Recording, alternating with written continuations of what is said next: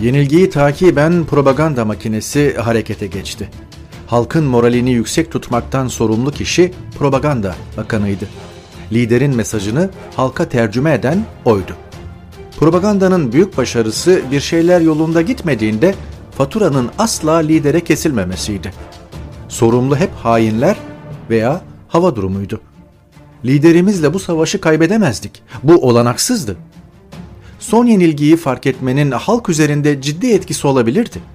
Ulus hazırlanmaya çağrıldı. Ciddiye alıp topyekün savaşa girmenin, kendimize adamanın zamanı artık gelmişti. Durumun vahameti tüm halkı etkisine alıyordu. Halk bu son şahlanışa destek verirse başaracaklardı. Böylece yeni bir yoksunluk dönemi başladı. Devlete veya savaş çabasına yönelik faydası olmayan etkinlikler durduruldu. Kalabalıklar toplana dursun, liderleri perde arkasında bir kargaşaya sürükleniyordu. Bu hali çok beterdi. Çok gergin ve savaşın nasıl gideceğini kestiremiyordu. Sinirleri yıprandıkça liderlik yeteneği sorgulanır oldu. Kurmay kadrosu arasında onun en büyük lider olduğunu artık inanmayanlar vardı. O da artık kurmaylarını dinlemeyi bırakmış, kendisinin her konuda haklı olduğuna inanmaya başlamıştı. Bu da bir başkomutan için felaket demekti. Kararları profesyonellikten uzak ve kusurluydu. Nutuklarında saçmalamaya başlamıştı. Bu metni ben yazmadım. Bu metin Türkiye'yi de anlatmıyor, anlamışsınızdır. Benim satırlarım şimdi başlıyor. Netflix'teki kulüp dizisini çok soran eden oldu.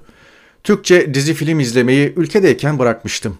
Dizinin ülkedeki aydınlanmaya katkı sunması şüphelidir. Öyle olsa Hatırla Sevgili, Bu Kalp Seni Unutur mu gibi dönem dizilerinden sonra şu yaşananlara onay verilmezdi.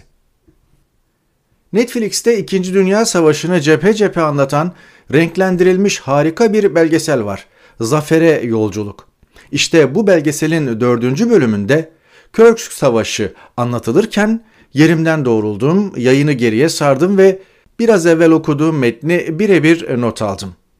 Türkiye'deki Erdoğan rejimi Hitler Almanyası'nın çakmasıdır.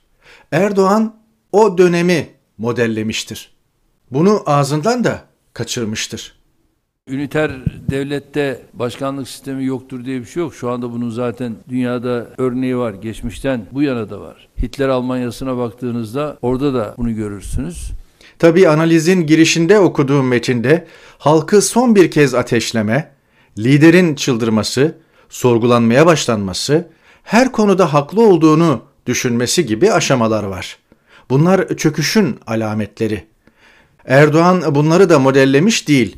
Yaptığı tercihin doğal sonuçları bunlar. Prompter kullanmadan yaptığı her konuşma krize yol açmaya başladı. Türkiye'nin Taliban'ın inancıyla alakalı ters bir yanı yok e, lafı böyle bir laftır. Edirne'deki en büyük hesabı İmralı'dakine verecek böyledir. En son Sezen Aksu'yu hedef alarak o dilleri yeri geldiğinde koparmak bizim görevimizdir. Lafı da böyledir. Propaganda ekibi yayılmasın diye medyayı talimatlamış. Ertesi gün çıkacak gazeteleri sansürlemiş. Ancak sosyal ağ çağında laf ağızdan çıkmıştır bir kere.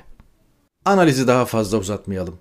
Bombaların yerle bir ettiği Berlin'de halk Hitler'in bir biçimde zaferi kazanacağına inanırken o yerin bilmem kaç kat altında şakağına sıkıyordu.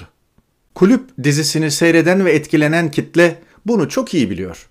Sıkıntı bilmeyene bir türlü anlatamadık. Ve maalesef oraya gidiyoruz.